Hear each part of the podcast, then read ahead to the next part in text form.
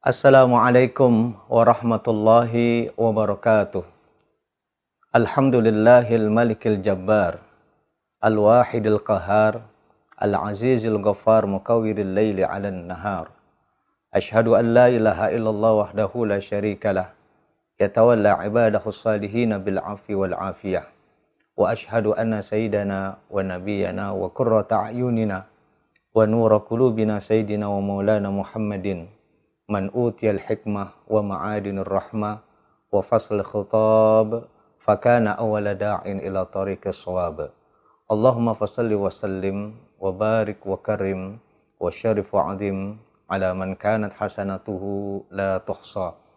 النبي المصطفى ورسول المكفى وعلى آله وصحبه وكافة أهل الصدق والوفاء. أما بعد قال الله تعالى في كتابه الكريم أعوذ بالله من الشيطان الرجيم. إن الصلاة كانت على المؤمنين كتابا موقوتا. وقال النبي صلى الله عليه وسلم الصلاة عماد الدين فمن أقامها فقد أقام الدين ومن تركها فقد هدم الدين. صدق الله العظيم وصدق رسوله النبي الحبيب الكريم. ونحن على ذلك من الشاهدين والشاكرين. Walhamdulillah Alamin. Para pemirsa Al-Husaini Media Center yang berbahagia. Alhamdulillah kita bersyukur kepada Allah Subhanahu wa taala atas segala limpahan karunia serta nikmat yang senantiasa Allah berikan kepada kita. Salawat beriring salam, semoga selalu Allah limpah curahkan kepada junjungan alam baginda Rasul Nabi besar Muhammad sallallahu alaihi wasallam dari mulai pagi sampai dengan siang sampai dengan malam kita berharap Allah Subhanahu wa taala mencurahkan rahmatnya kepada kita. Karena rahmat itulah seekor singa tidak memakan bangkainya tidak memakan anaknya. Seekor gajah tidak menginjak anak yang baru dilahirkan. Seekor burung gagak tidak memakan telur. Apa sebabnya? Karena ada rahmat dari Allah Subhanahu wa taala. Sehingga baginda Rasul sallallahu alaihi wasallam beliau bersabda, "La yadkhulal jannata ahadakum bi'amalih." Kalian tidak akan masuk surga dengan sebab amal kalian. Wala anta ya Rasulullah, engkau pun demikian wahai Rasulullah, wala ana illa ayyatagammadani Allahu bi amri. Kecuali Allah Subhanahu wa taala mencurahkan rahmat karunia-Nya kepada kita rahmat itulah yang dimintakan al-fakir di awal ucapannya dengan mengucapkan assalamualaikum warahmatullah. Rahmat itulah yang kita mohonkan untuk orang yang hidup dan yang mati. Allahumma gfir lahu warhamhu. Pada saat kita duduk di antara dua sujud, kita mohonkan Rabbi gfirli warhamni. Kenapa ada orang yang hari ini mereka tidak melaksanakan perintah dari Allah Subhanahu wa taala. Ada mereka saudara-saudara kita yang sedang berbaring di rumah sakit. Mereka diberikan rahmat hidup namun dicabut rahmat sehatnya. Ada juga orang yang hari ini berkeliaran di tengah jalan.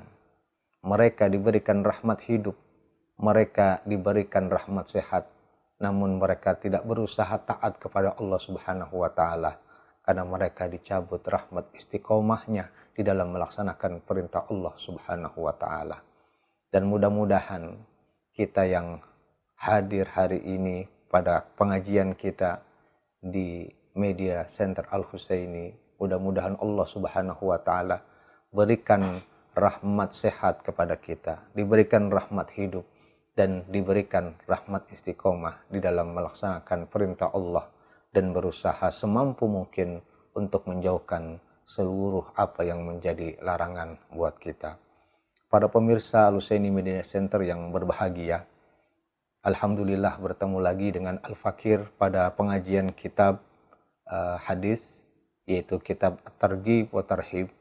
Dan pada pertemuan kali ini kita akan membahas tentang kitabus sholah, At-Targhibu fi sholati wa Tarhibu min tarkiha yaitu kitab yang berkaitan dengan sholat uh, at-targhibu fi sholah ada motivasi untuk kita melaksanakan dan menegakkan sholat dan ancaman bagi orang-orang yang meninggalkannya. Sebagaimana kita tahu bahwa sholat secara bahasa bermakna ad-doa, artinya doa. Sedangkan menurut istilah adalah af'alun wa aqwalun muftatahatun bitakbir wa bitaslim. Sholat adalah satu ucapan, satu perbuatan yang diawali dengan takbir dan diakhiri dengan salam. Pada saat kita diperintahkan oleh Allah Subhanahu wa taala untuk melaksanakan sholat, maka perintah ini adalah merupakan satu perintah yang mulia. Karena di saat Allah memerintahkan puasa, Allah memerintahkan zakat, Allah memerintahkan berhaji dan lain sebagainya, Allah melalui perantara kekasihnya malaikat Jibril yang kemudian disampaikan kepada Nabi Shallallahu Alaihi Wasallam.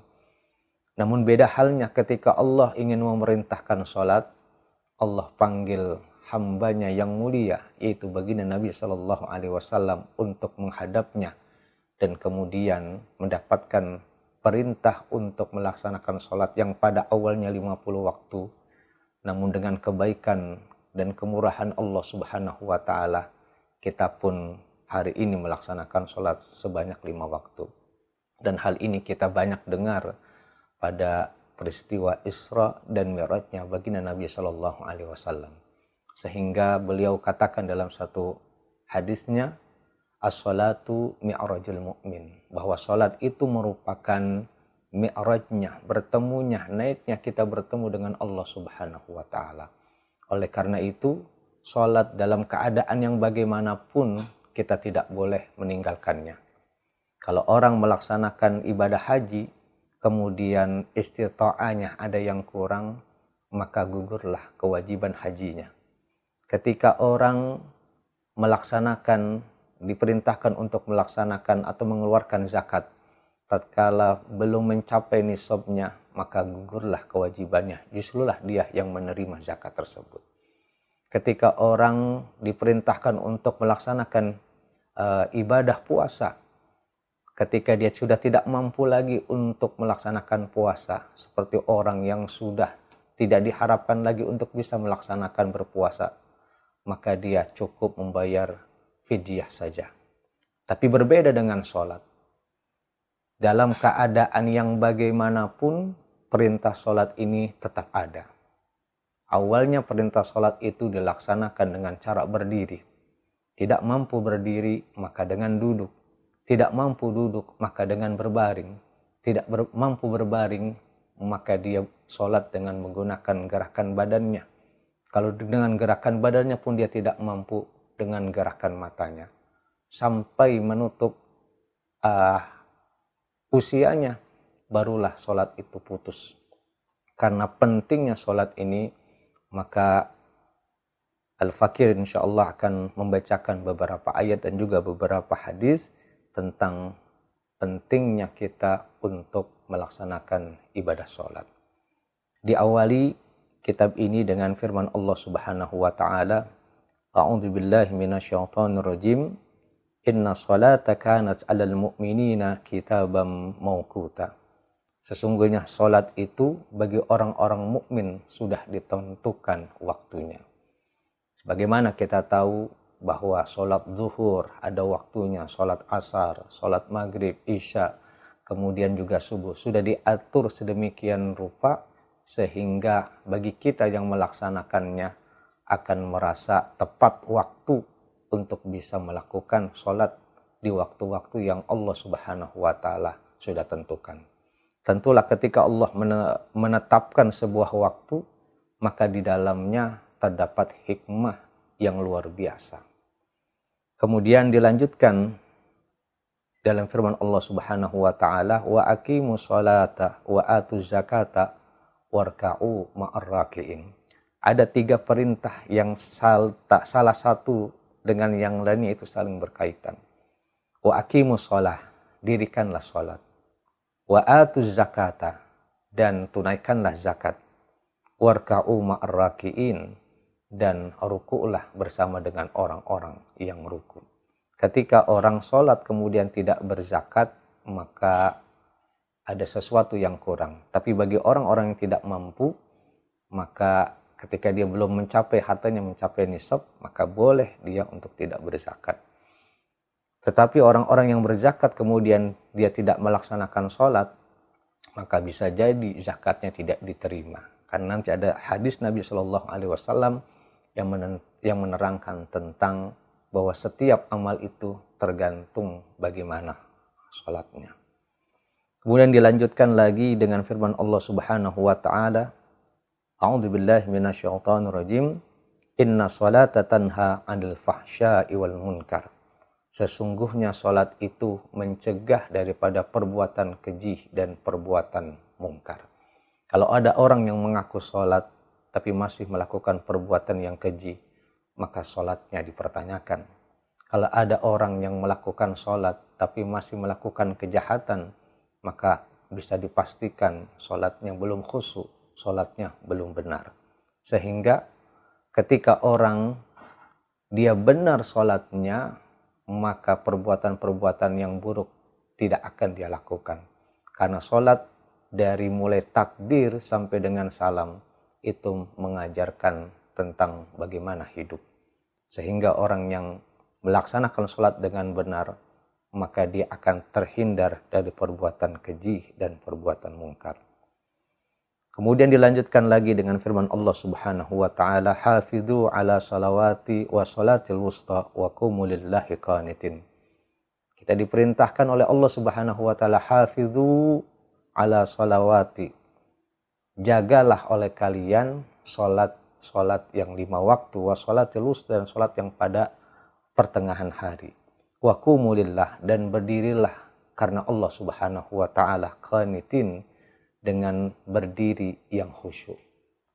Ketika kita melakukan sholat menghadap kepada Allah Subhanahu wa taala, yang paling penting buat kita adalah kita hadirkan hati kita melaksanakan sholat dengan cara yang khusyuk. Karena dengan melaksanakan sholat dengan cara yang khusyuk itulah kita akan memperoleh kebahagiaan sebagaimana juga disinggung oleh Allah Subhanahu wa taala pada surah Al-Mu'minun qad aflahal mu'minun alladzina hum fi salatihim khashi'un beruntunglah sungguh beruntunglah orang-orang yang beriman yaitu mereka yang melaksanakan sholat dengan cara yang khusyuk. Para pemirsa Alusaini Media Center yang berbahagia kita akan lanjutkan uh, barulah ini kita akan membaca daripada hadis Nabi Shallallahu Alaihi Wasallam setelah saya uh, membacakan beberapa ayat Al-Quran. Waqala Shallallahu Alaihi Wasallam dan bersabda Nabi Shallallahu Alaihi Wasallam, as-salatu imaduddin, paman tarokaha fakad hadamaddin. Bahwasanya baginda Nabi Shallallahu Alaihi Wasallam bersabda, as-salatu imaduddin, bahwa salat ini adalah tiangnya agama tiang adalah simbol dari tegaknya sebuah bangunan. Sehingga orang yang melaksanakan sholat, maka secara tidak langsung dia telah menegakkan agamanya. Semakin sering dia melakukan sholat, bahkan kalau seluruh kaum muslimin mereka melaksanakan sholat, maka sudah dipastikan agama ini akan tegak kokoh berdiri. Kemudian, tarokaha fakad hadamaddin. Dan barang siapa yang meninggalkan sholat, maka secara tidak langsung dia telah meruntuhkan agamanya. Yang membedakan kita dengan orang kafir itu adalah sholat. Sehingga dengan tegas baginda Rasulullah Shallallahu Alaihi Wasallam dalam satu hadisnya juga beliau katakan man taraka salatan muta'ammidan faqad kafara ziharan. Barang siapa yang meninggalkan salat dengan sengaja tanpa alasan tertentu, dia sengaja meninggalkan salat, tidak mau tunduk, tidak mau sujud kepada Allah Subhanahu wa taala. Maka kata Nabi Shallallahu alaihi wasallam, faqad kafara ziharan. Sungguh dia telah kafir secara jelas. Jadi orang-orang yang meruntuhkan agama ini adalah mereka-mereka yang tidak lagi mau sujud kepada Allah Subhanahu wa taala. Kalau kita mau tarik ke belakang tentang sejarah bagaimana iblis laknatullah alaihi mereka dikeluarkan dari dalam surga bukan karena tidak mau sujud kepada Allah Subhanahu wa taala. Bahkan dalam beberapa riwayat disebutkan bahwa iblis adalah makhluk yang paling taat ibadahnya kepada Allah Subhanahu wa taala. Cuma satu perintah Allah di mana iblis diperintahkan oleh Allah untuk sujud kepada Nabi Adam. Kalau bahasa kita, ya Allah, kalau seandainya saya disuruh sujud kepadamu, saya adalah orang yang paling abid. Tapi kenapa saya disuruh sujud kepada Nabi Adam, makhluk yang baru, makhluk yang secara fisik lebih mulia saya dibandingkan dirinya, kenapa saya harus sujud? Karena kesombongannya tersebutlah iblis tidak mau sujud kepada Nabi Adam dan Allah Subhanahu wa taala keluarkan dari dalam surga dan kelak nanti di yaumil kiamah mereka akan kekal di api neraka. Itu iblis. Kalau seandainya ada manusia yang kemudian tidak mau sujud kepada Allah Subhanahu wa taala, dalam tanda kutip kita bisa katakan bahwa dia lebih sombong daripada iblis. Karena dia tidak mau sujud kepada Allah Subhanahu wa taala yang telah memberikan kepadanya hidup, yang telah memberikan kepadanya rezeki, yang telah memberikan kepadanya berbagai macam kebutuhannya. Yang Allah tidak peduli dia sujud atau tidak Allah tetap berikan. Karena Allah Maha Rahman seluruh makhluknya akan diberikan, baik mereka yang taat kepadanya maupun mereka yang membangkangnya. Karena itu, para pemirsa Aluseni Media Center yang berbahagia, maka jadilah kita orang-orang yang berusaha menegakkan agama ini dengan cara melaksanakan sholat lima waktu. Kalau kita menjadi penghancur agama, maka kita adalah orang-orang yang meninggalkan daripada sholat kita. Ma, para pemirsa Aluseni Media Center yang berbahagia, kemudian kita lanjutkan pada hadis yang kedua waqala sallallahu alaihi wasallam dan uh, bersabda Nabi sallallahu alaihi wasallam inna awala ma yunzaru fihi min amalil abdi yaumal qiyamah as-shalah.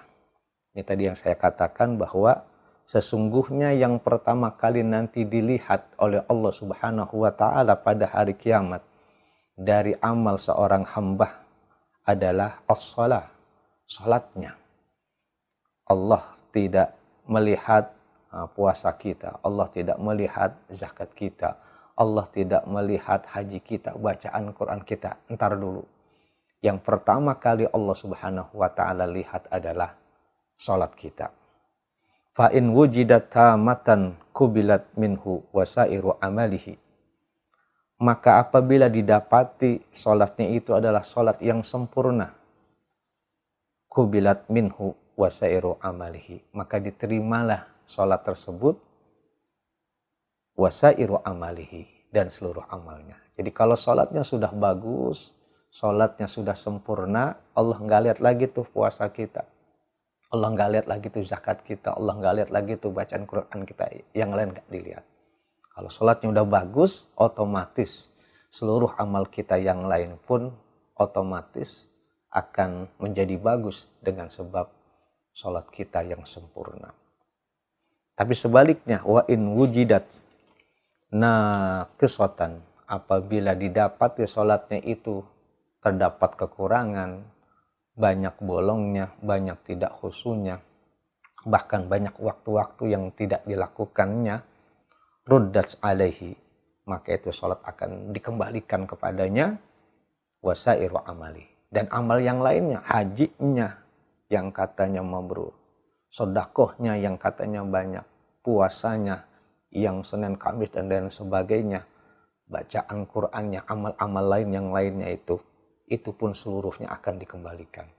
Karena sudah pasti kalau kualitas sholatnya buruk maka amal yang lainnya pun akan buruk kalau kualitas sholatnya bagus, maka amal-amal lainnya juga pun akan bagus juga.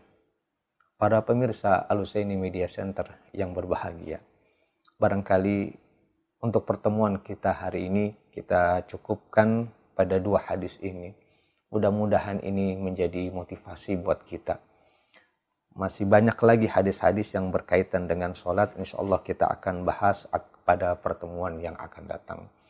Pada intinya adalah bahwa Nabi Shallallahu Alaihi Wasallam sangat menganjurkan kepada kita untuk selalu menjaga sholat kita dalam keadaan yang bagaimanapun. Karena dalam sholat itu kalau kita belajar fikih eh, dalam kaidah usul fik dikatakan uh, ida uh, apabila sesuatu menjadi apabila sesuatu menyempit maka Allah Subhanahu wa taala akan memperluas. Artinya dalam keadaan yang bagaimanapun Allah Subhanahu wa taala akan memberikan ruhsahnya, akan memberikan kemudahannya. Artinya sholat ini bisa kita laksanakan dengan dijama, kita bisa laksanakan dengan cara mengkosornya. Yang penting syarat dan ketentuan itu berlaku. Mudah-mudahan apa yang Al-Fakir sampaikan pada kesempatan uh, hari ini dapat kita ambil hikmahnya dan mudah-mudahan kita menjadi hamba-hamba Allah yang senantiasa melaksanakan perintahnya dan mudah-mudahan sholat yang bagus, sholat yang khusus juga akan berpengaruh kepada amal-amal kita yang lainnya. Ini saja yang bisa Al-Fakir sampaikan. Hadanallah wa iyyakum ajma'in. Assalamualaikum warahmatullahi wabarakatuh.